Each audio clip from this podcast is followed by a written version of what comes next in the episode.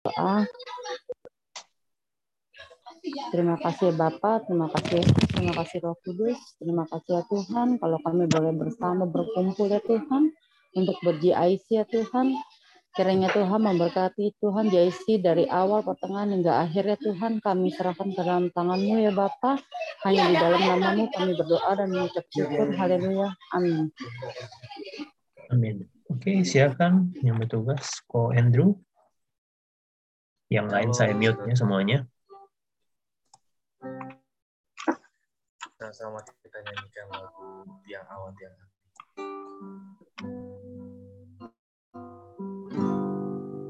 Ku tak perlu khawatir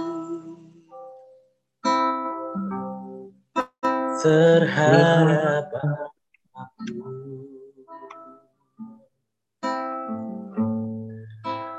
Tanganmu yang penuh kasih menopangku tanpa henti. Ku tak perlu takut Untuk melangkah maju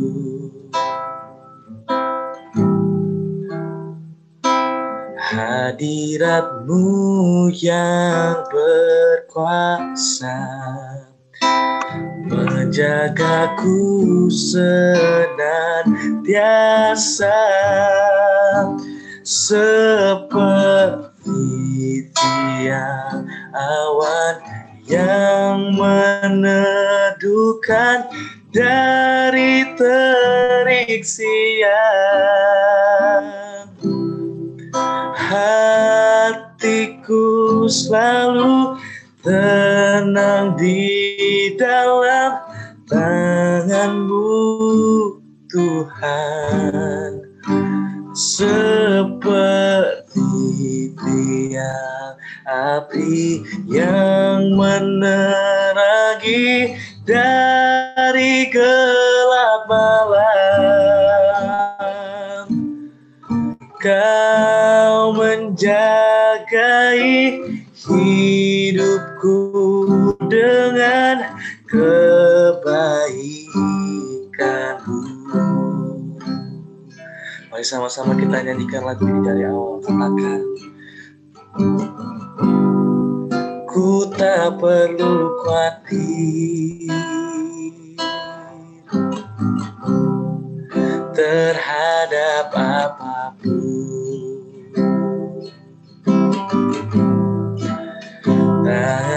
Yang penuh kasih menopangku tanpa henti. Ku tak perlu takut Untuk melangkah maju. Hadiranmu yang berkuasa menjagaku senantiasa. Seperti dia awan yang meneduhkan dari terik siang. Hatiku selalu tenang di dalam tanganmu Tuhan.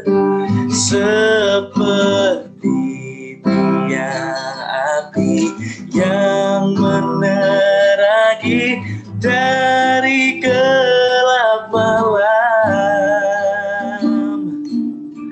Kau menjagai hidupku dengan kebaikanmu seperti seperti tiang awan yang meneduhkan dari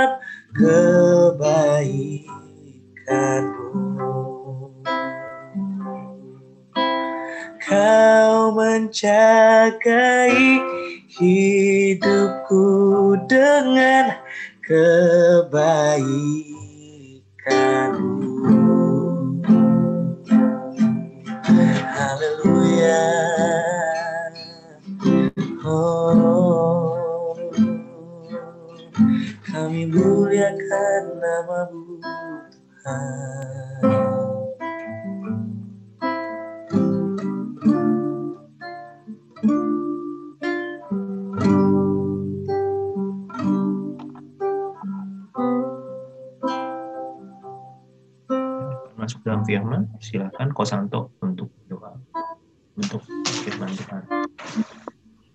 Mari kita dalam Bapak kami mengucap syukur buat di malam hari ini ya Tuhan. Kalau pada malam hari ini kami dipertemukan kembali ya Tuhan. Lewat ibadah Grow in Christ. Di mana kami sudah memuliakan nama Engkau ya Tuhan. Lewat puji-pujian penyembahan ya Tuhan. Kami percaya Tuhan, puji-pujian ini menyenangkan hati Engkau Tuhan. Akan membawa dupa yang harum di halaman Engkau ya Bapa. Terima kasih Tuhan Yesus. Dan kalau sebentar ya Tuhan, kami akan mendengarkan sabda daripada firman ya Tuhan. Lewat hambamu ya Bapa, Engkau urapi kami dengan roh kudus dari daripada setiap kami ya Tuhan. Sehingga terima kami dapat mendengarkan firman Tuhan. Bahkan hati kami tertanam untuk firman-Mu ya Bapa. Terima kasih Tuhan Yesus. Dan kami percaya kami juga dapat melakukannya dalam kebenaran firman Tuhan.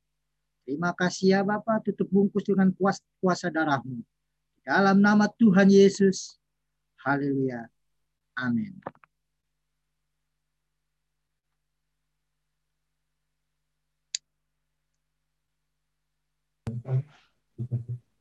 Shalom semuanya. Kedengeran gak suaranya? Kedengeran. Kedengeran, kedengeran. Kedengeran Bu Pendeta. Puji nama Tuhan, shalom semuanya. Shalom, shalom. Apa kabar semuanya? Luar biasa, amin. Amin. Amin. Boleh ngangkat jempolnya, luar biasa. Kita semua luar biasa, amin. Terima kasih Amin. buat malam hari ini dikasih kesempatan buat sharing firman Tuhan. Eh, mungkin di sini lebih banyak teman-teman pendeta yang lebih pintar dari saya, lebih bisa pintar ngomong. Eh, saya cuma mau eh, apa mengulang aja yang kemarin dibawakan oleh Pastor Han- Henny eh, tentang judulnya JIC pada malam hari ini adalah keyakinan dalam pikiran. Ayat bacaan di 1 Timotius 4 ayat 7.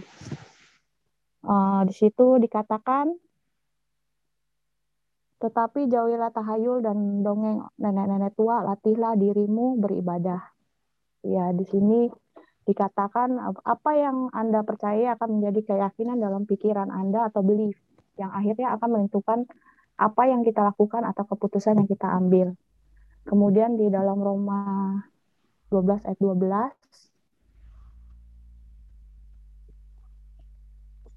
um, 12 ayat 2 Janganlah kamu menjadi serupa dengan dunia ini, tetapi berubahlah oleh pembaharuan budimu, sehingga kamu dapat membedakan manakah kehendak apa yang baik, yang berkenan kepada Allah, dan yang sempurna. Ya, kita di sini eh, semua adalah eh, apa ya eh, orang-orang yang sudah percaya kepada Tuhan Yesus dan bahwa kita sudah kita percaya bahwa kita sudah diselamatkan oleh kuasa darah Yesus di kayu salib Dan kita sebagai anak-anak Tuhan, di sini jelaskan bahwa kita tidak boleh menjadi serupa dengan dunia ini. Tetapi ketika kita sudah ditebus dengan darah Tuhan Yesus yang mahal, kita harus berubah baik dari karakter kita, cara berpikir kita, sehingga uh, apa yang tadinya apa ya, yang tidak baik Tuhan rubah sedikit-sedikit menjadi baik dan Tuhan pulihkan kehidupan kita sehingga kita bukanlah sama dengan dunia ini tetapi kita harus beda sebagai anak-anak Tuhan menjadi terang dan garam di sekitar uh, tem, apa ya lingkungan kita jadi kita bisa, uh, jadi anak-anak Tuhan itu harus tahu gimana caranya membedakan kehendak Allah, apa yang baik, apa yang berkenan kepada Allah, dan yang sempurna. Di dalam kehidupan ini kita sering kali dihadapi, uh, dihadapkan dengan beberapa pilihan, istilahnya mau nggak jadi uh, beru, uh, berbeda dengan anak-anak uh, orang-orang di, uh, di dunia ini.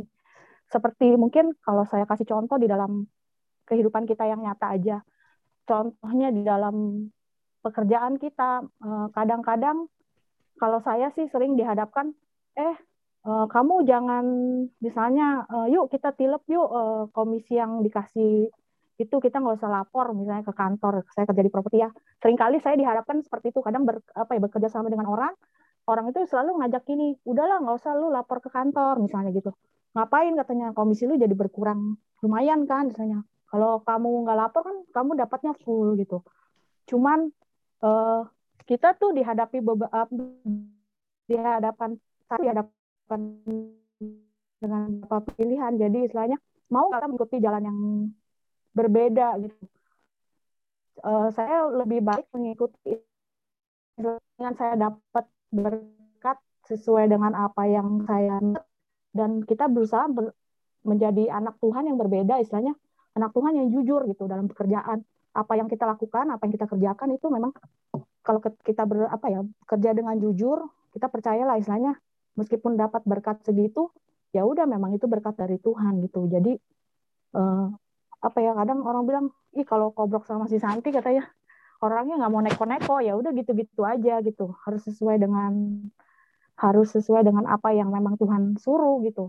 Emang yang Tuhan kasih ya segitu gitu gitu. Jadi harus lapor apa adanya gitu. Itu contoh di dunia nyata. Terus uh, dalam satu Korintus 3:15 ayat 33 juga di situ dikatakan perhatikan dengan siapa saja kita berhubungan karena itu tidak hanya merusak pergaulan dan juga karakter. Jadi kita juga dalam kehidupan ini juga kita harus memperhatikan lingkungan sekitar kita dengan siapa kita bergaul gitu ketika kita bergaul dengan orang yang punya tabi tabiat buruk, tentu sedikit banyak karakter kita juga berubah menjadi karakter yang tidak baik juga gitu. Tapi ketika kita bergaul dengan orang yang baik, uh, dengan orang yang membangun kehidupan kita gitu, memberikan kekuatan, saling membangun, saling memberikan energi yang positif satu dengan yang lain, secara otomatis kita juga menjadi orang yang lebih baik dan lebih positif gitu dan menjadi orang yang apa ya yang menjadi orang yang punya cara berpikir yang berbeda gitu dan menergi, uh, memberikan uh, energi yang positif buat uh, di sekeliling kita. Jadi juga kita harus perhatikan si dengan siapa sih kita bergaul gitu. Kalau di dunia aja tahu kalau kita mau menjadi orang sukses kita harus bergaul dengan orang sukses. Bukan berarti kita pilih-pilih temen ya istilahnya kita juga harus punya hikmat, boleh berteman dengan siapa saja, tapi apakah kita juga boleh punya hikmat gitu? Dengan siapa kita harus bergaul dengan bergaul supaya kehidupan kita menjadi lebih baik, bukan bergaul dengan orang yang merusak kehidupan kita. Kemudian Roma 10 ayat 17 dan Matius 6 ayat 22 di situ dikatakan apa yang masuk melalui pendengaran dan penglihatan akan mempengaruhi hidup, bisa memperkuat atau melemahkan kita. Ya, saat-saat ini mungkin di saat pandemi ini kita banyak mendengar uh, lewat berita, lewat sosial media gitu kan ya, hal-hal yang begitu menakutkan gitu. Sepanjang pandemi ini saya juga sebagai manusia, sebagai anak Tuhan juga sebenarnya takut gitu, takut, khawatir, bingung itu secara manusiawi. Tapi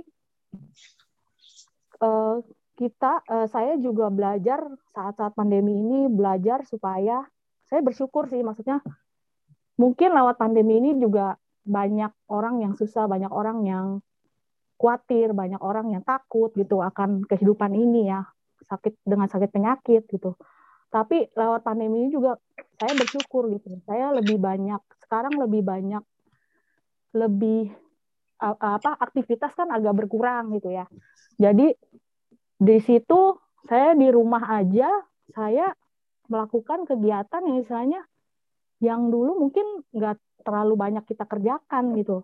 Uh, Tuhan tuh nyuruh saya uh, beberapa bulan ini tuh lebih banyak dengerin firman lewat YouTube, lewat hamba-hamba Tuhan yang sering kan ada ya kita di YouTube tuh banyak dari hamba-hamba Tuhan yang luar biasa gitu yang apa men-sharingkan firman gitu yang begitu menguatkan kita gitu lewat, lewat pendengaran saya gitu. Terus uh, yang menguatkan saya juga supaya jangan kita jangan takut menghadapi kehidupan ini karena kita percaya kita punya Tuhan yang luar biasa kita memang boleh takut, boleh khawatir, tapi apa yang apa ya, apa yang kita lihat itu sebenarnya Tuhan mau mengajarkan kita supaya kita tuh lebih kuat, lebih apa ya, lebih lebih kuat dan lebih belajar untuk lebih dekat lagi sama Tuhan gitu.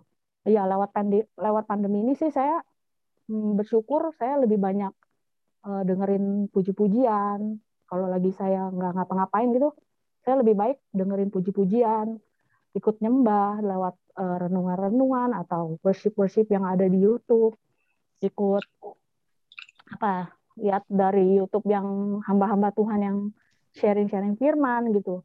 Kan sekarang kita banyak tuh kita boleh kayak tadi gitu apa yang kita lihat apa yang kita dengar itu mempengaruhi loh hidup kita. Jadi uh, saya sarankan gitu ya boleh kita dengar berita-berita tapi marilah kita mendengar dan melihat uh, apa ya uh, apa yang mempengaruhi kita tuh supaya kita bukannya menjadi orang yang lemah gitu tapi mem membuat kita menguatkan iman percaya kita bahwa kita punya Tuhan yang luar biasa Tuhan yang baik Tuhan yang selalu memelihara kehidupan kita Tuhan yang selalu menjaga dan melindungi kita di mana pun saat kita juga saat ini mungkin pandemi kita tapi kita bersyukur gitu kita masih dikasih kesehatan kita masih diberikan apa ya luar masih tetap punya pekerjaan punya ada di pelihara Tuhan itu kita juga perlu bersyukur gitu jadi uh, buat teman-teman saat ini mungkin di luar sana memang begitu menakutkan tapi percayalah bahwa kita punya Tuhan yang luar biasa jangan uh, boleh uh, jangan dengar-dengar atau melihat yang negatif-negatif tapi kita percaya kita punya Tuhan yang luar biasa gitu. Ya, kemudian Efesus 4 ayat 29, Amsal 18 ayat 14, kemudian Amsal 17 ayat 22. Pastikan yang kita konsumsi adalah hal yang positif sehingga kita pun bisa memberikan hal yang positif pada orang lain. Ya kayak tadi mungkin kita mendengarkan uh, apa ya, kita mendengarkan puji-pujian di situ kan lewat pujian kita juga dikuatkan kemudian kita membaca firman Tuhan di situ banyak janji-janji Tuhan yang sudah yang memang Tuhan janjikan buat kita sebagai anak-anak Tuhan gitu. Jadi kita percaya bahwa kita jangan takut, jangan gentar bahwa Tuhan yang memegang kendali kehidupan kita. Kemudian kelilingi hidup kita dengan yang baik dan orang-orang yang baik juga.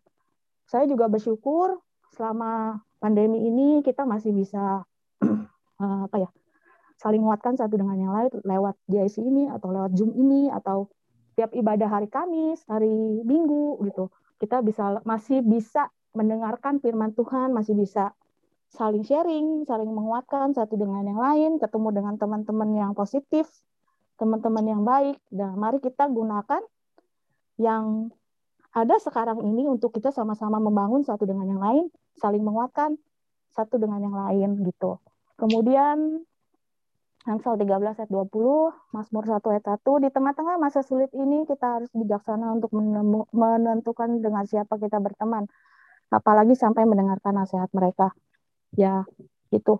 Uh, yaitu yang tadi pergaulan ya, mengenai pergaulan yang tadi saya jelaskan, kalau misalnya kita bergaul dengan yang buruk, yang istilahnya melemahkan iman kita, ya mendingan kita jangan bergaul sama dia gitu. Mendingan kita bergaul dengan orang-orang yang istilahnya bisa membangun kehidupan kita menjadi orang yang lebih baik menjadi orang yang uh, berbeda dengan dunia ini gitu.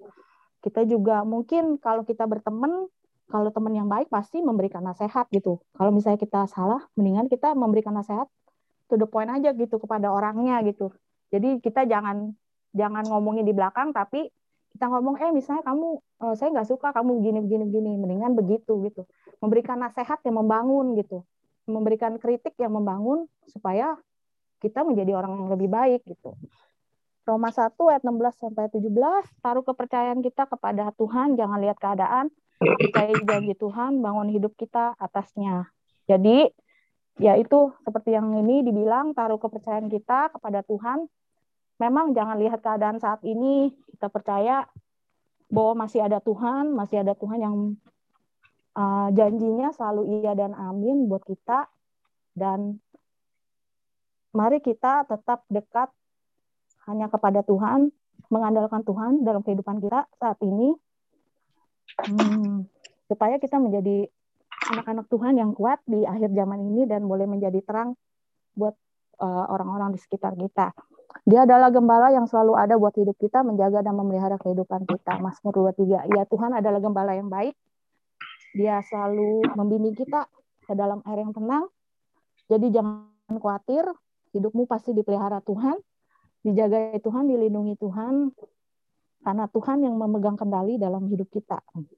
Deklarasikan kebaikan Tuhan dan janji janjinya atas hidup kita. Mazmur 41 ayat 1 sampai 3. Maka akan ada kekuatan yang baru di dalam kehidupan kita. Eh, tadi pagi kalau nggak salah Pak Paulus ada sharing di diakan ya di grup diakan gitu. Oh, orang yang menanti-nantikan Tuhan seumpama burung raja wali gitu. Jadi jangan lihat sekarang, kita percaya bahwa Tuhan itu masih ada, mujizat Tuhan itu masih ada, kebaikan Tuhan tuh selalu ada dalam hidup kita, hidup eh, anak-anak uh, Tuhan. Di mana pun kita berada dan kita percaya janji Tuhan tadi iya dan amin buat kita. Dan jangan kita menjadi lemah, jangan kita menjadi lesu, jangan kita menjadi lelah, tapi ingat janji Tuhan dan firman Tuhan bahwa senantiasa ada kekuatan yang baru yang Tuhan berikan buat kita semua untuk menjalani kehidupan kita di dunia ini sebagai anak-anak Tuhan di akhir zaman ini supaya kita menjadi terang dan garam buat uh, di sekitar kita. Itu aja um, yang boleh saya bagikan pada malam hari ini. Um, saya mau mungkin memberikan kesaksian ketika pandemi-pandemi ini Tuhan tuh begitu baik dalam hidup saya. Meskipun kadang kita melihat di situasi di luar sana itu sulit. Situasi di luar sana itu nggak menentu. Ekonomi nggak menentu, kita juga mau ke mana-mana susah, mau ngapa-ngapain susah, mau pergi ke mana susah gitu. Dan ketika saya bekerja juga secara manusiawi memang khawatir ya, maksudnya kita kan kalau bekerja kan kalau kita nggak keluar gitu, nggak showing ke orang gitu, gimana saya kita dapat berkat daripada Tuhan gitu. Tapi saya belajar hmm, lewat pandemi ini belajar menyerahkan segala sesuatunya kepada Tuhan, lebih banyak baca firman Tuhan, lebih banyak dengar firman Tuhan, lebih belajar percaya dan berserah taat, submit kepada Tuhan, dan percaya bahwa firmannya itu pasti digenapi dalam hidup kita. Jadi itu yang senantiasa memberikan kekuatan buat saya, untuk saya tetap fokus sama Tuhan, carilah dulu kerajaan Allah dan kebenarannya, maka semuanya akan ditambahkan kepadamu dan ada juga Mazmur 91 yang sering saya ini dan doa Bapak kami yang sering saya doain setiap kali saya mau tidur gitu. Saya percaya Tuhan pasti melindungi saya, keluarga saya, memberkati keluarga saya. Itu yang menguatkan saya sampai saat ini dan saya juga belajar nggak menyerah ya maksudnya dalam pekerjaan bergaul dengan teman-teman yang istilahnya membangun saya boleh menjadi orang yang lebih baik, lebih lebih apa ya lebih positif. Jadi nggak nggak selalu berpikiran negatif sama orang. Yang baik saya ambil yang negatif saya buang. Terus uh, ya itu yang membuat saya menjadi orang yang juga nggak pernah apa ya nggak pantang menyerah bahwa, percaya bahwa ada Tuhan yang menjaga melindungi menyertai dalam hidup saya. Dan itu yang memang benar saya apa ya benar Tuhan nyatakan gitu dalam kehidupan saya kehidupan keluarga saya. Sampai saat ini saya masih dipelihara Tuhan keluarga saya masih dipelihara Tuhan diberikan kesehatan dilindungi Tuhan. Itu aja saya uh, ngajak teman-teman juga supaya teman-teman juga tetap kuat percaya bahwa firman Tuhan itu tidak pernah salah dalam hidup kita jalani aja prosesnya dengan bersyukur berdoa mengandalkan Tuhan. Jangan pantang menyerah fokus dengan apa yang memang menjadi tujuan kita. Serahkan kepada Tuhan kita percaya. Pasti janjinya digenapi dalam hidup kita. Itu aja Tuhan Yesus memberkati. Oke, sebelum kita sharing, melanjutkan sharing, uh, saya minta Ci Iva untuk tutup doa dulu ya untuk firman Tuhan yang bawakan lulusan kita dengar. Silakan Ci Iva.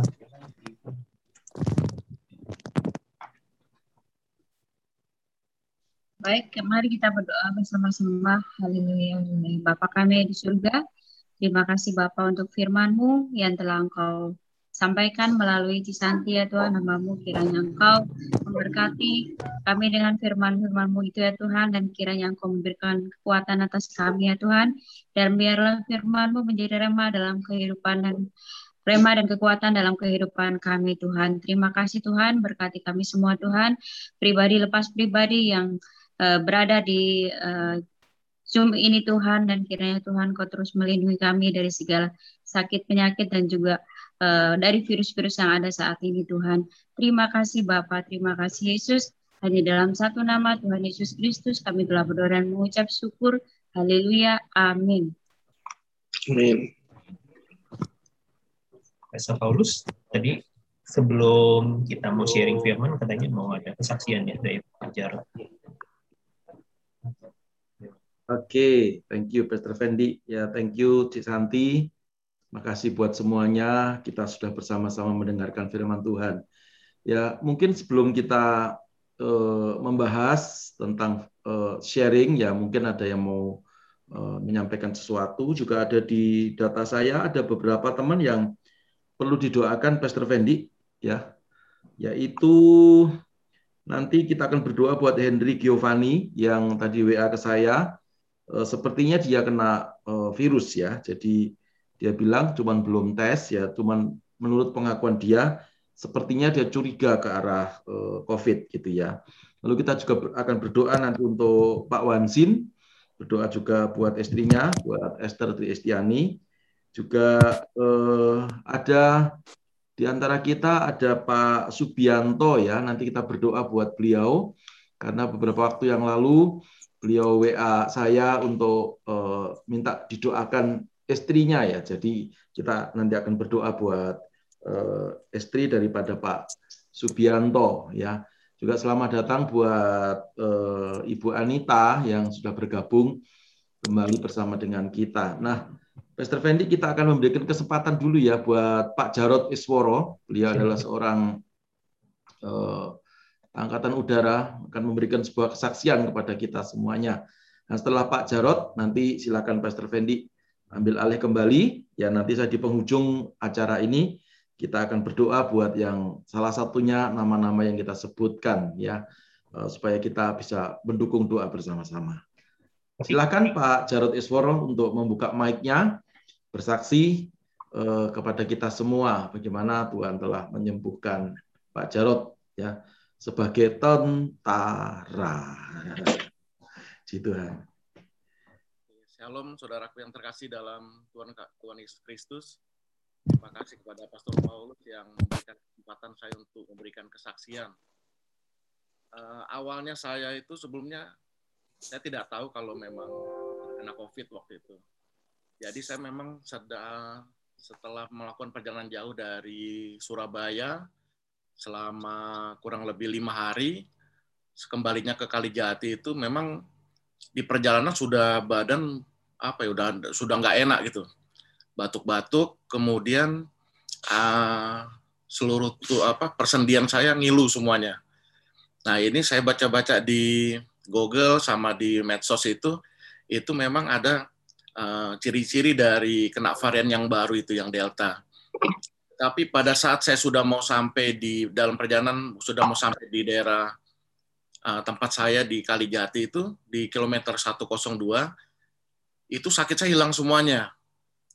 Nah, saat pas sampai di mes itu di rumah itu itu muncul lagi malamnya. Nah ini jadi kondisi memang lagi tidak ada sedang unfit. Kemudian saya cek hari waktu itu saya hari Minggu dari Surabaya, Seninnya saya cek di swab, ternyata hasilnya negatif. Nah, kemudian hari Selasanya saya ada berinteraksi di kedinasan. Uh, ada dari beberapa teman saya itu yang positif apa namanya uh, COVID setelah dia dilaksanakan uh, swab. Jadi ada sekitar lima orang yang kena tracing itu. Nah, tiga di antara yang dua negatif, yang tiga termasuk saya itu itu positif. Nah, kemudian saya di, diminta untuk isoman oleh dokter saya. Nah, pada saat saya masih isoman di hari ketiga itu, saya baru ingat itu. Wah, saya punya minta doakan oleh ke Pastor Paulus. Itu aja saya ngebel sekitar pagi-pagi jam 6 biasanya Pak Paulus kan ada ibadah pagi. Nah, dibantu didoakan uh, untuk supaya saya diberikan kekuatan dan diberikan kesembuhan. Memang sebelumnya ini saya di hari pertama dinyatakan kena COVID itu, ya saya biasa saja sih.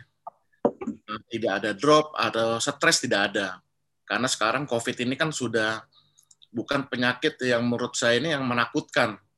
Nah, kalau memang saya baca dari medis itu ya hanya penurunan imun saja. Jadi obatnya kan tidak ada yang signifikan kecuali orang yang punya penyakit penyerta ya. Nah, itu mungkin baru dianggap parah itu. Nah, kalau saya mungkin termasuk yang masih ringan kemarin itu. Kemudian saya setiap pagi mau tidur saya kasih minyak urapan, kemudian malam mau tidur sebelum minum obat itu saya sempatkan uh, perjumpaan kudus dengan istri saya, terus sampai saya dinyatakan dievaluasi selama 10 hari uh, dinyatakan sehat oleh medis.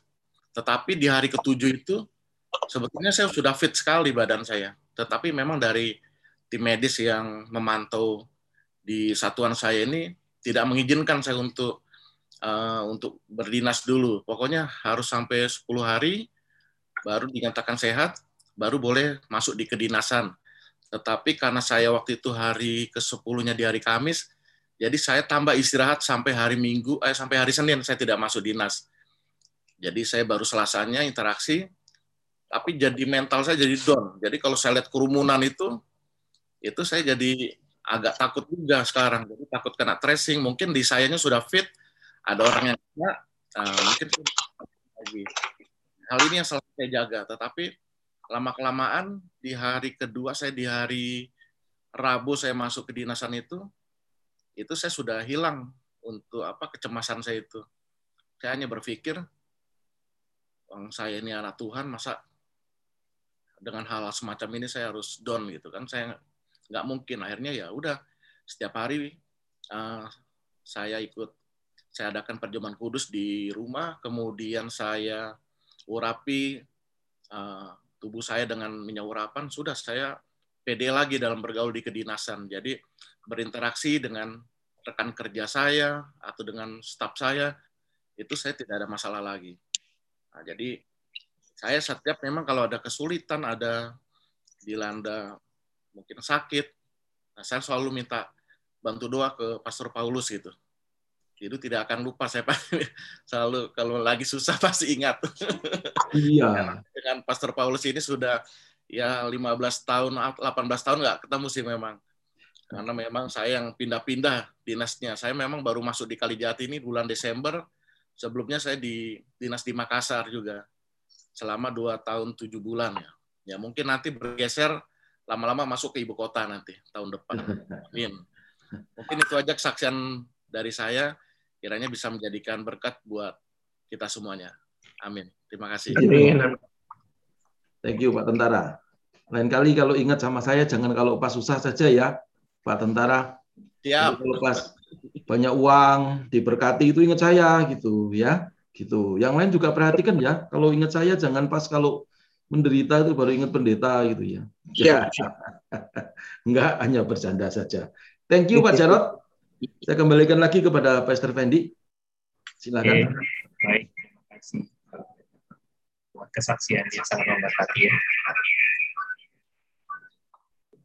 Teman-teman mungkin ada yang mau bertanya mungkin kepada Pak Jarot atau juga mau eh, apa menyaksikan kebaikan Tuhan mungkin selama satu minggu atau mau bertanya tentang firman Tuhan yang tadi Cisanti juga boleh. Ya.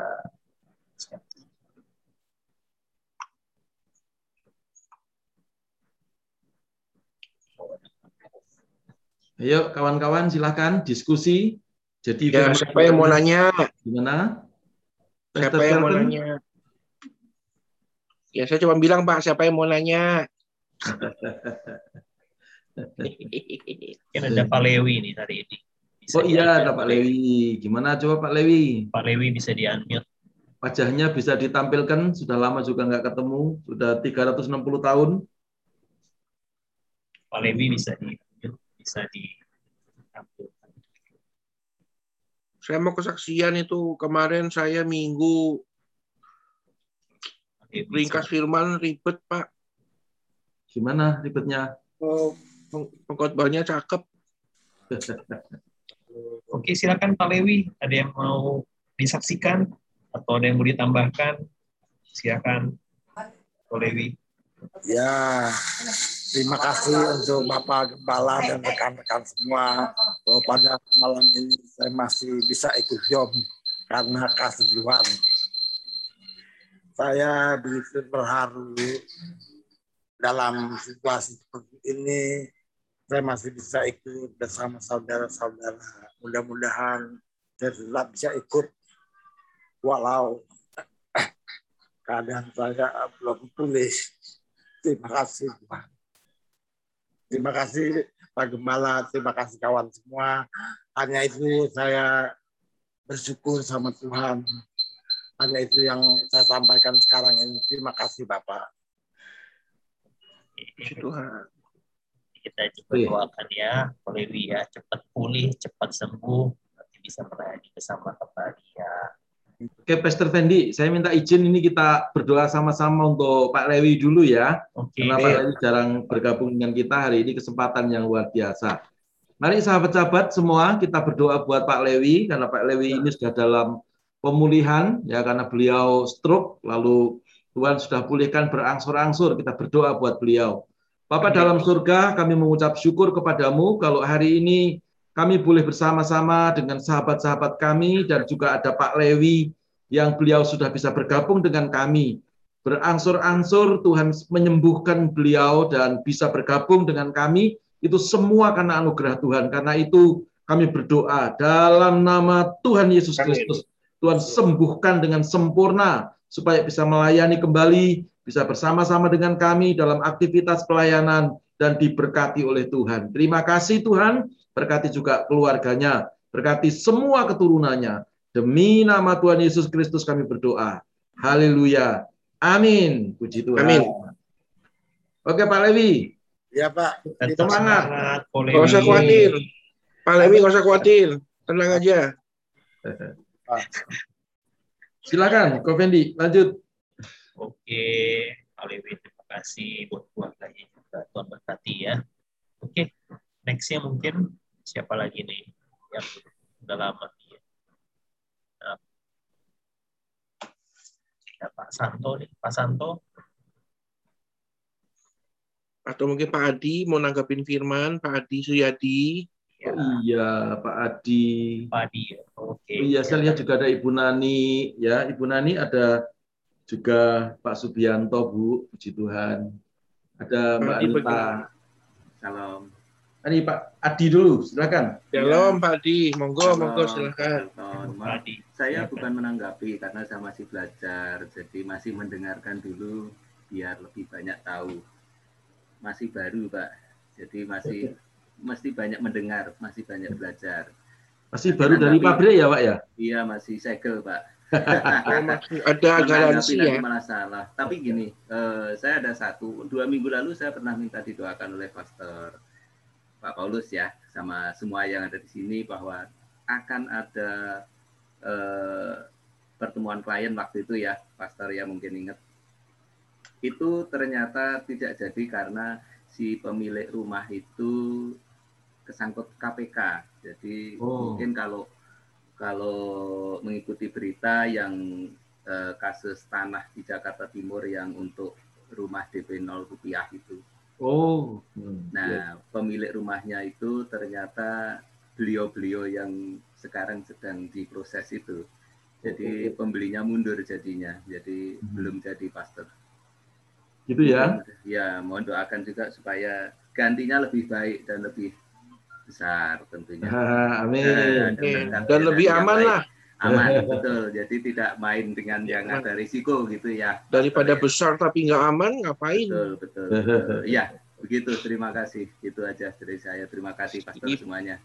Langsung kita berdoa buat Pak Adi ya. Teman-teman kita berdoa buat beliau. Tuhan kami berdoa, terima kasih untuk sesuatu yang bagi kami mungkin tidak terlalu baik. Tapi bagi Tuhan adalah cara yang terbaik. Dengan gagalnya transaksi bukan berarti gagalnya berkat Tuhan. Amin. Tapi pasti Tuhan akan menggantikan dengan berkat yang lain yang Amin. lebih aman karena di Amin. dalam berkat tidak ada persoalan. Amin. Kalau berkat itu datang daripada Tuhan, di dalam berkat tidak mendatangkan kebinasaan. Amin. Kami berdoa supaya Tuhan menggantikan dengan caranya Tuhan dan lipat kali ganda terjadi atas Pak Adi. Dalam Amin. nama Yesus Tuhan kami berdoa. Amin. Amin. Amin. Terima kasih, Pastor. Terima kasih. Lanjut. Puji Tuhan. Diberikan Tenang, Pak masalah Adi. supaya selamat. Ya. Memang Pak Adi itu bukan hanya Anda saja yang merasakan, tapi saya juga sering kok. Tenang aja, Betul, nanti Tuhan kasih berkat yang lebih besar dan lebih baik Amin. dan Tuhan. lebih aman buat kita. Gitu. Memang Amin. Tuhan kadang suka begitu. Bener, Tuhan kadang suka Iya. gitu. Iya, memang. Udah di depan mata, ngerasa oke, tapi tiba-tiba gagal, ya udah bersyukur aja dan Ya. percaya kalau Tuhan gantikan yang lebih besar lagi. Itu yang Amin, amin. Terima kasih, Bu. Ah, ah. tenang aja Pak. Iya, Ini kayak komselnya properti ya. nanti ada Ya, beberapa yang ngapain? bisa ini ya. Saya juga mau jualan properti ya. Ngerasain kayak gitu. Kalau mau jualan lewat saya aja, Pastor. Iya, iya, iya. iya. Tapi ya begitu, memang kita itu konsep berpikir kita itu baik buruk itu kan karena kalau berhasil baik, kalau nggak berhasil buruk. Kalau dibikin sakit itu buruk, kalau dibikin sehat diluputkan dari COVID itu baik. Siapa bilang? Tergantung rencana Tuhan seperti apa. Iya. Makanya saya setuju dengan pendeta cantik kemarin hari Minggu ya. Kekuatan pikiran itu harus dibikin sehat dulu. Kalau nggak sehat, jadinya susah berpikir yang benar. Siapa bilang kita jadi orang lemah itu buruk? Buktinya kalau ada topan itu kacang panjang malah nggak kecabut akarnya. Yang kecabut malah pohon beringin, pohon jati. Padahal lebih kuat pohon jati. Ya karena kacang panjang itu lemah gitu. Dia lembek, jadi ketiup angin, wah, mampu melawan. Gitu. Jadi tergantung sesuaikan hidup. Makanya saya tuliskan di situ, sesuaikan di kalau Bapak Ibu baca bahan GIC itu dan disesuaikan dengan dengan apa? Dengan kehendak Tuhan dan juga dengan rencana Tuhan. Baru hidup kita benar. Kalau pikiran kita itu nggak disesuaikan dengan pikiran dengan kemauannya Tuhan, wah rusak. Makanya Pak Adi, kalau Tuhan kasih sesuatu yang buruk itu bukan berarti Tuhan nggak sayang, justru Tuhan sayang. Siap, siap. Nanti ada nanti ada apa? Ada kebaikan Tuhan di Amin. ujung endingnya. Amin. Terima kasih. Sangat menguatkan, Pastor. Oke. Lanjut, Dr. Fendi. Saya cocok ya jadi seorang properti ya. Konsultan properti cocok. Eh, Ke mana konsultan, ya, Pak? Pak? Santonya hilang. Mana ya Pak Santo tadi? Oh, hilang. Ada Pastor Rudi, ada itu Pastor Fendi, ada eh, Pak Yusuf. Mana Pak Yusuf nggak muncul? Ada sempat ini nggak kelihatan. Ada Pastor Daniel dari Bandung. Luar biasa. Oke, masih ada lagi mungkin teman-teman. Ada Bu Sundari. Ada Bu Sundari, seorang paramedis.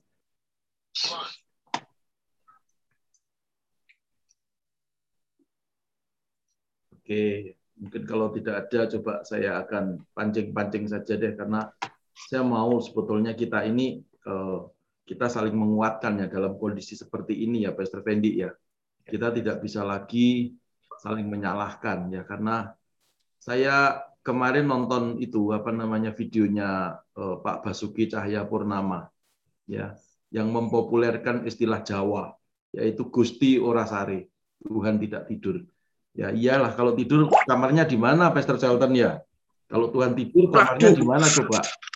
Ya kan? Ranjangnya segede apa itu, Pak? Makanya, makanya dia benar Tuhan tidak tidur. Nah, pada waktu dia kena COVID itu satu hal yang saya tangkap itu adalah biasanya orang kalau mau masuk rumahnya itu semua harus mengikuti protokol kesehatan, swab antigen paling tidak colok hidung gitu ya. Tapi untuk istrinya yang baru pulang dari Bandung, dan mertuanya itu ya tiba-tiba dia persilahkan aja masuk rumah begitu. Lalu singkat ceritanya ya pada kena COVID, waktu dia kena COVID eh, ada perasaan mau menyalahkan ini gara-gara ini, gara-gara ini. Nah, kita sekarang jangan saling menyalahkan yang dalam keadaan seperti ini ya, tapi kita harus saling mendukung ya. Kalau yang ditegur juga jangan terus kemudian ya apa merasa bahwa yang menegur itu kok selalu merasa paling hebat sendiri ya. Dan yang ditegur itu selalu eh, apa ya selalu kok di pihak yang salah gitu ya. Bukan. Ya jangan ada perasaan seperti itu. Dalam saat-saat seperti ini mari kita semua harus benar-benar rendah hati ya. Karena kita tidak bisa jumawa juga kita tidak bisa sok dan kita juga tidak bisa terlalu ketakutan ya. Kita wajar-wajar saja saling mengingatkan itu penting terlebih di dalam keluarga. Jadi juga di dalam komunitas seperti ini saling mengingatkan satu dengan yang lain ya.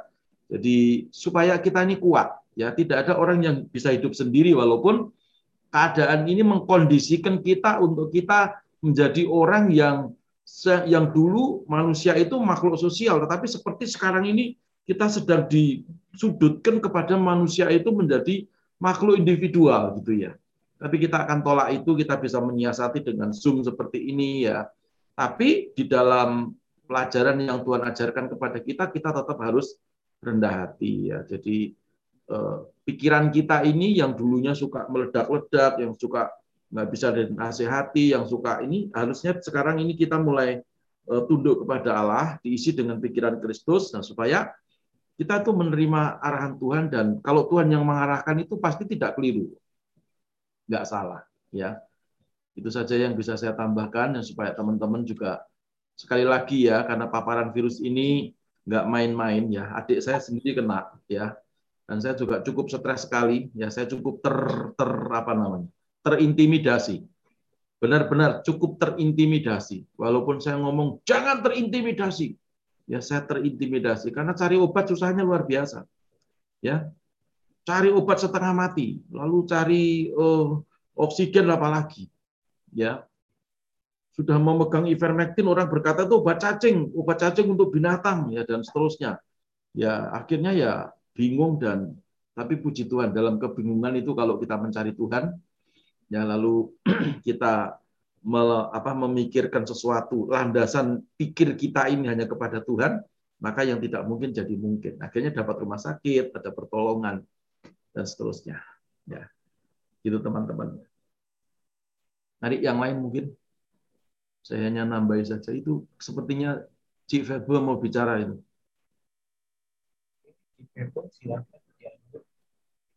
Mau bicara Cik Febo atau uh ada Pak ada Pak Immanuel dari Surabaya. Pak Immanuel selamat datang. Luar biasa.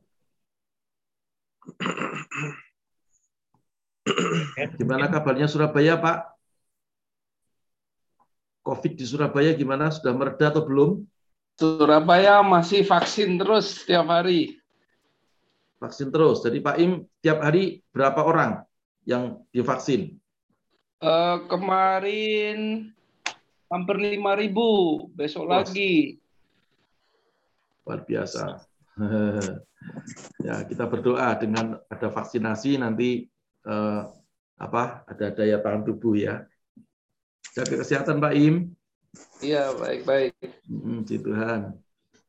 Bu Nani, juga Pak Subianto, oh, Bu Anita, mungkin mau sampaikan sesuatu, silakan. Bu Anita kemarin bilang sama saya mau minyak urapannya kok gimana ya mau masuk ke sukar gitu ya. Ya mungkin jaringannya. Gimana Bu Nani? Yang lain dulu aja. Enggak, enggak izin aku terus.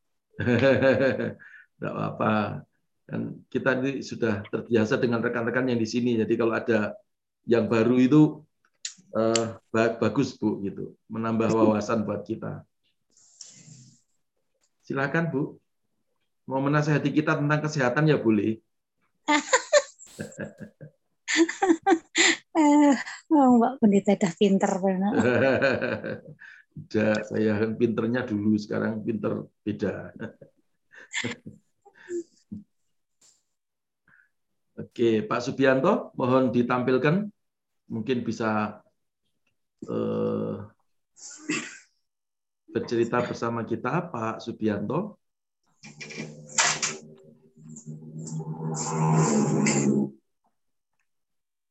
Ada? Masih ada Pak Subianto?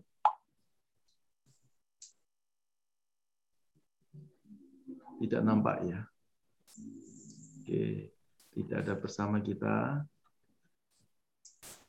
Ya sudah, Pastor Fendi gimana? Saya hanya minta waktu bagian terakhir kita berdoa ya tentang teman-teman yang sudah saya sebutkan tadi. Silakan dilanjut. Oke, masih ada Bu En nih, Bu En bisa di unmute. Mungkin bisa oh, iya. bercerita. Bu En kemarin di unmute bisa Bu? Bisa apa tuh sakit luar biasa terus sekarang gimana? Bisa di unmute nggak Bu En? Itu saya minta unmute, saya udah unmute dipencet Bu, di yesin. Unmute. Nggak bisa ya. Bisa minta tolong anaknya mungkin di unmute.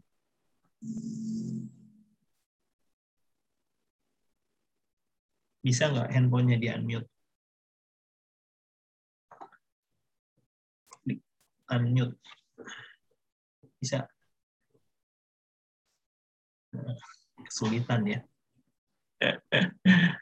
Ya, enggak apa-apa. Tapi okay. Ibu En sudah sembuh kan? Sudah sembuh ya, Bu En ya?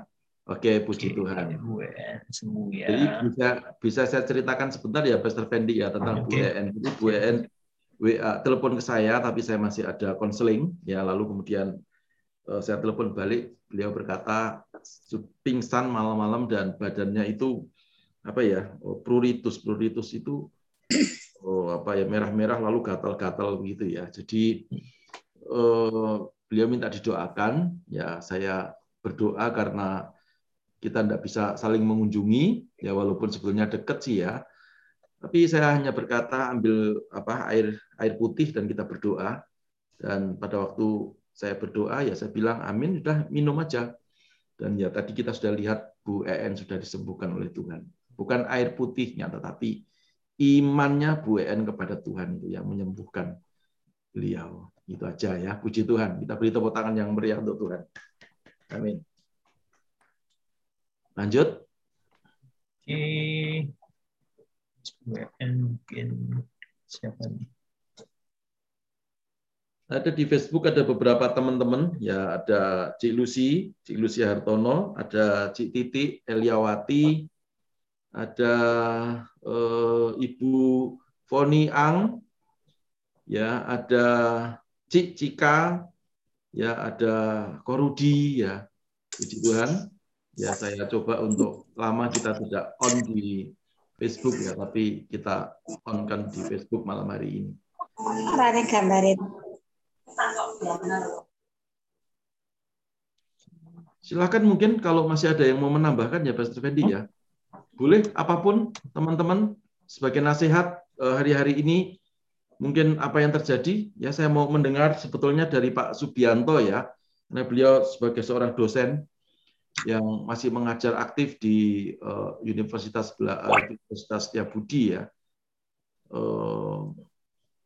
Apa yang beliau mau nasihatkan kepada kita kan kita ini orang-orang yang bukan orang medis tapi orang sipil ya apa yang perlu kita kerjakan gitu ya. Atau diwakili oleh siapa ya tentang nasihat-nasihat ini?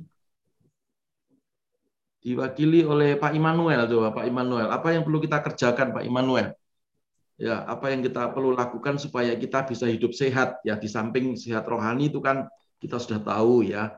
Tapi sehat sehat jasmani menghadapi masa-masa pandemi seperti ini gimana Pak Immanuel Eh, tidak banyak sebenarnya yang kita harus lakukan menghadapi ini. Yang pertama, tetap semangat.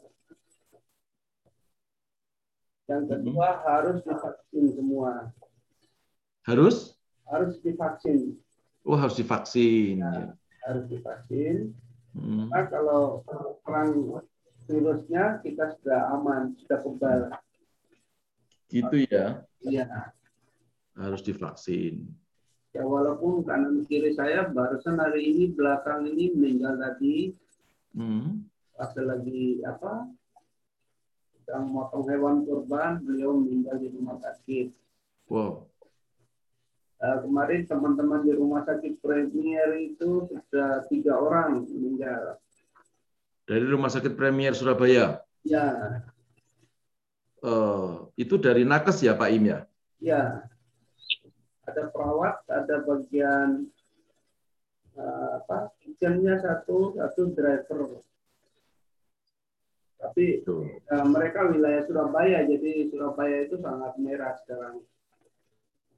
begitu ya Sedangkan yang teman-teman di UC ya dites positif tapi tidak sampai sakit. Sakit berat karena semua sudah divaksin kami. oke jadi kalau divaksin itu masih bisa terpapar Ya, tetapi tidak sampai berat ya Pak Immanuel ya? Seperti saya beberapa hari lalu juga kayaknya keserang ini virus corona ini. oh. Cuma hanya sekedar apa baunya itu terasa, fungsi pembawanya ini nggak terasa. oh gitu Ya, ya ya ya ya tapi tidak sampai sesak atau demam tidak sampai. oke oh yang waktu itu Pak Immanuel WA ke saya ya minta didoain itu ya Tidak akan. oke puji Tuhan Ini yang meninggal mungkin ada puluhan di kampung-kampung sama di perumahan itu kalau dicampur 10 apa 15 gitu. Dalam satu hari itu. ya ya ya ya ya. Oke Pas ya. ini saya bisa lihat di Facebook kita doakan supaya pedang yang dipegang malaikat segera dimasukkan. Minta tolong Tuhan.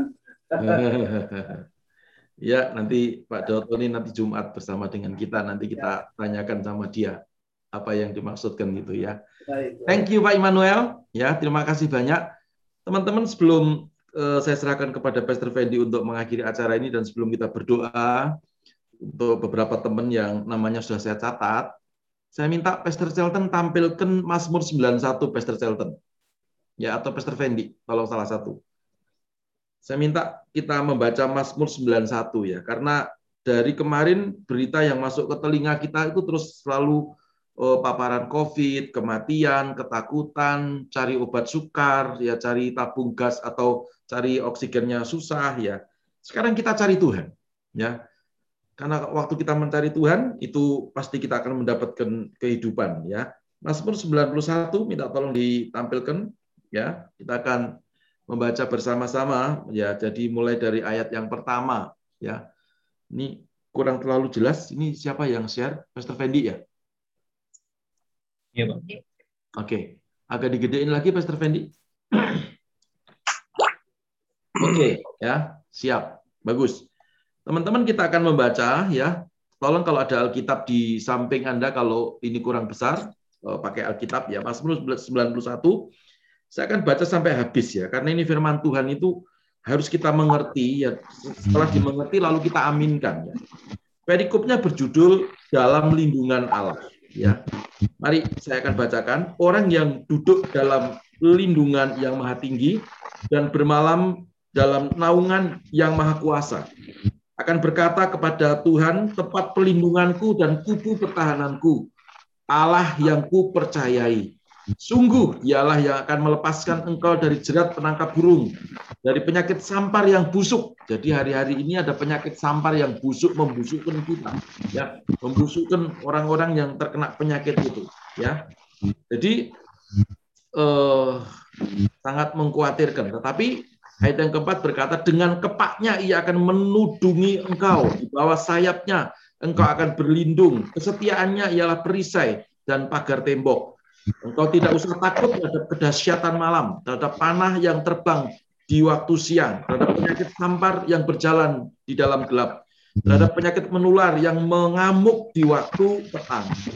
Ya, ini ayat yang ketujuh kita baca sama-sama dengan suara keras. Satu, dua, tiga. Walau seribu rebah di sisimu dan sepuluh ribu di sebelah kananmu, tetapi itu tidak akan menimpamu engkau hanya akan menontonnya dengan matamu sendiri. Perhatikan ya, dengan matamu sendiri, ya. Dan melihat pembalasan terhadap orang-orang fasik sebab Tuhan ialah tempat perlindunganmu. Jadi tempat perlindungan kita itu hanya kepada Tuhan, bukan kepada obat, bukan hanya kepada siapa-siapa. Ya tadi eh, siapa yang oh Pak Jarot tadi berkata bahwa itu virus hanya diperangi dengan apa antibodi kita, daya tahan tubuh kita yang kuat ya. Jadi yang bisa menguatkan daya tahan tubuh kita ini tentunya seperti Alkitab berkata hati yang gembira adalah obat yang manjur, ya imunnya naik ya. Bagaimana caranya menaikkan imun? Ya dekat dengan Tuhan. Sebab Tuhan ialah tempat perlindunganmu yang maha tinggi, telah kau buat tempat perteduhanmu. Malapetaka tidak akan menimpa kamu dan uh, tulah tidak akan mendekat kepada kemahmu. Sebab ayat yang ke-11, malaikat-malaikatnya akan diperintahkannya kepadamu untuk menjaga engkau di segala jalanmu. Mereka akan menatang engkau di atas tangannya supaya kakimu jangan terantuk kepada batu. Singa dan ular tedung akan kau langkahi. Engkau akan menginjak anak singa dan ular naga. Ya sungguh hatinya melekat kepadaku, maka aku akan meluputkannya. Aku akan membentenginya sebab ia mengenal namaku. Perhatikan ayat ke-11 jadi kuncinya tadi selain kita harus berlindung di bawah naungan Tuhan, berikutnya dikatakan orang yang hatinya melekat kepada Tuhan, maka Tuhan akan meluputkannya. Tuhan akan membentenginya sebab kita yang melekat kepada Tuhan itu mengenal kepada siapa kita menyembah. Ya, ayat yang ke-15. Bila ia berseru kepadaku, aku akan menjawab. Aku akan menyertai dia dalam kesesakan. Aku akan meluputkannya dan memuliakannya. Ya, ayat yang ke-16. Dengan panjang umur akan ku kenyangkan dia dan akan ku perlihatkan kepadanya keselamatan daripadaku. Setuju katakan amin. Ya, jadi ini ada orang yang berkata ini nggak cocok firman ini untuk untuk melawan COVID. Saya berkata apa pun firman Tuhan itu cocok untuk melawan hal-hal yang buruk. Ya. Karena firman itu adalah Tuhan sendiri. Jadi sebelum kita berdoa untuk sahabat-sahabat kita, ya, eh, saya menyarankan kita semua mulai hari ini, mulai malam hari ini, kita mulai menghafalkan Mazmur 91 ayat 1 sampai ayat yang ke-16. Ada banyak sekali di antara kita yang sudah hafal. Ya. Eh, saya mau untuk kita tidak hanya menjadi bisa menghafal, tetapi mengimani. Ya, orang yang mengimani itu akan mendapatkan sesuatu dari iman. Orang benar akan hidup oleh iman. Jadi kalau kita mengimani firman Tuhan, hidup kita benar, maka seperti Pak Immanuel, ya mungkin kapan hari WA saya, tolong pastor saya didoakan, ya saya demam dan seterusnya, sudah berasa.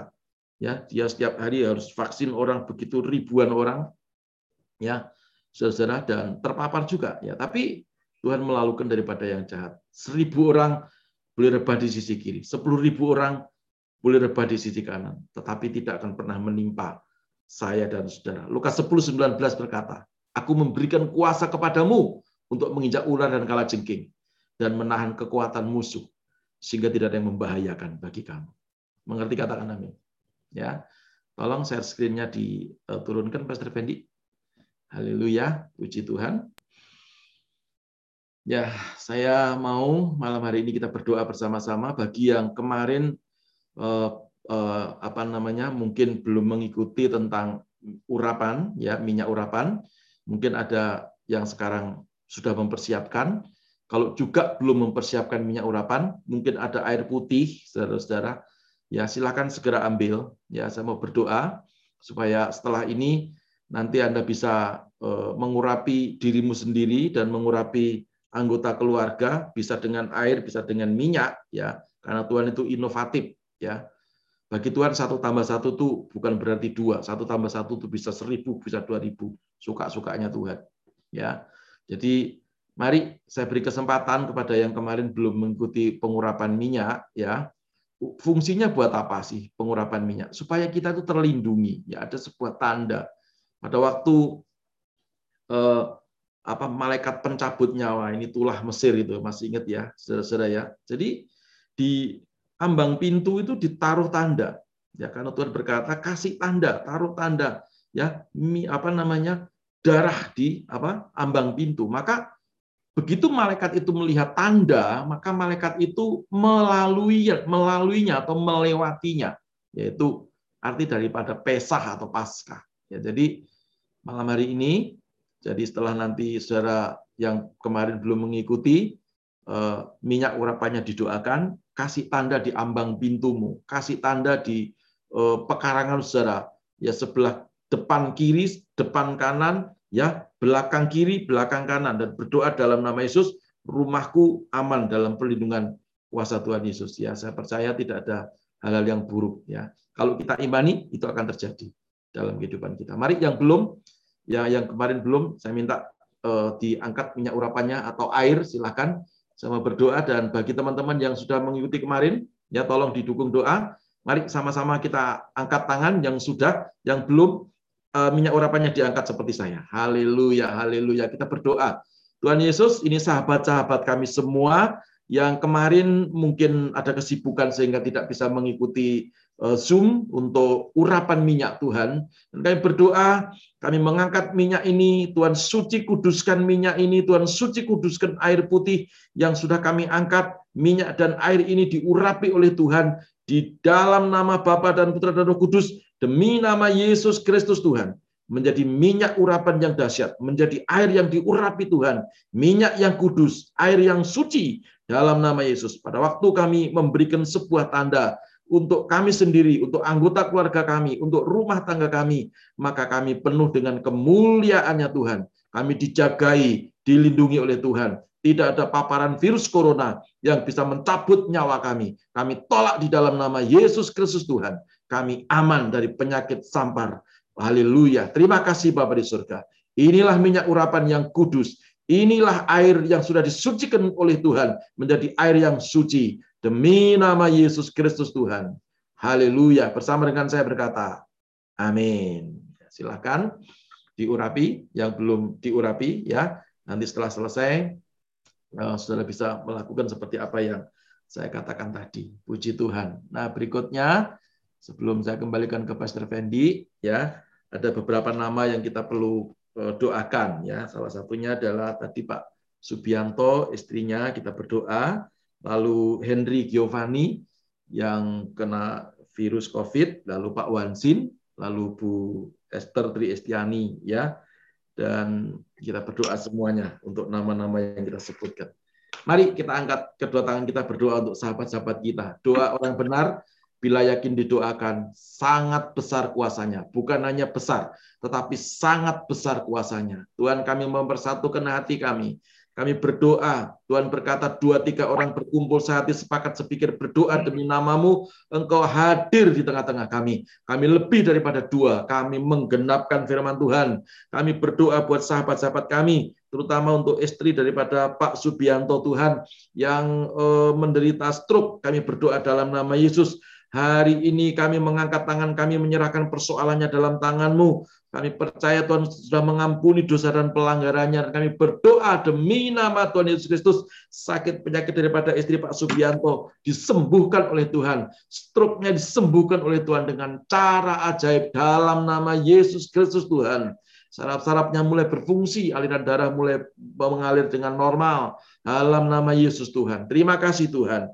Kami juga berdoa buat Henry Giovanni yang uh, positif COVID kami juga berdoa buat Pak Wansin, berdoa buat Bu Esther Triestiani dalam nama Yesus. Terlebih untuk Bu Esther yang sekarang sedang terbaring di rumah sakit dalam masa penyembuhan. Kami berdoa untuk sahabat-sahabat kami ini dalam nama Yesus imunnya kuat, daya tahan tubuhnya naik, imannya juga kuat, mendorong hidupnya, mendorong imannya, mendorong imunnya dalam nama Yesus Tuhan. Sehingga virus dikalahkan dan tidak ada roh maut. Kami tolak roh maut demi nama Yesus Kristus Tuhan. Bilur-bilur Tuhan Yesus sudah menyembuhkan mereka. Demi nama Yesus kami berdoa. Haleluya, sama-sama berkata. Amin. Puji Tuhan. Apa ada yang mau didoakan khusus malam hari ini? Kalau ada silakan angkat tangan.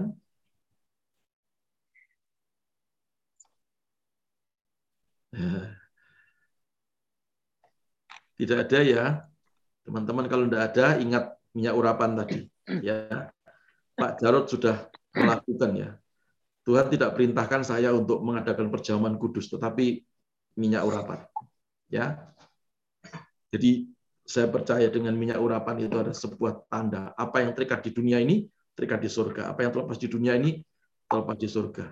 Kita tidak perlu takut, tetapi juga jangan gegabah. Ya, pakai hikmat ya pasti kita akan diselamatkan. Kalau toh Tuhan izinkan, itu bukan karena kecerobohan kita, tapi sesuatu terjadi itu untuk mendatangkan kemuliaan Tuhan dalam hidup kita. Ya, amin. Puji Tuhan. Kalau tidak ada, saya kira cukup ya Pastor Fendi. Saya kembalikan ke Pastor Fendi untuk mengakhirinya dalam doa. Siapa yang berdoa syafaat, lalu ditutup eh, dengan doa berkat. Silakan. Silakan Pastor Rudi Wijaya untuk berdoa syafaat. Nanti minta Coach Alton untuk berdoa berkat ya. Thank you. Silakan Pastor Rudi. Mari, mari kita tundukkan kepala.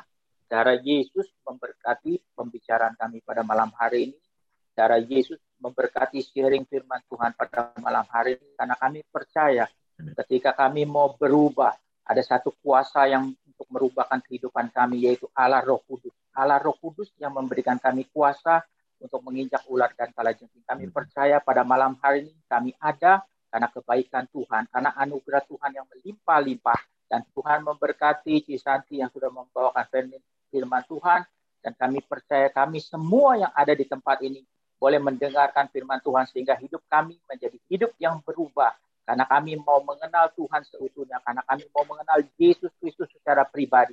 Ketika kami mengenal Tuhan secara pribadi, maka Tuhan memberikan kami kekuatan, maka Tuhan memberikan kami kuasa untuk menan untuk melawan segala kekuatan musuh-musuh, untuk menantang segala kekuatan hal-hal yang tidak baik. Kami percaya pada malam hari ini oleh karena darah Yesus Kristus membungkus setiap kami, membungkus setiap pendengaran pada kami pada malam hari ini sehingga kami boleh melihat ada kuasa Tuhan yang terjadi di dalam kehidupan kami dan kami akan melihat kuasa Tuhan menjadi nyata di dalam kehidupan kami. Tuhan memberkati gereja IHK. Biarlah gereja ini boleh menjadi saluran kemuliaan nama Tuhan. Karena di dalam gereja ini ada Tuhan Yesus Kristus, Tuhan yang kami andalkan. Tuhan memberkati Pak Gembala kami, Pak Paulus Ekodianto, beserta keluarga besarnya tutup bungkus hambanya oleh kuasa darah Yesus Kristus. Kami tidak izinkan segala hal yang tidak baik segala kuasa-kuasa yang bukan daripada Tuhan kami patahkan di dalam nama Tuhan Yesus Kristus. Dan setiap kami yang pendengar pada malam hari ini, Tuhan saluti,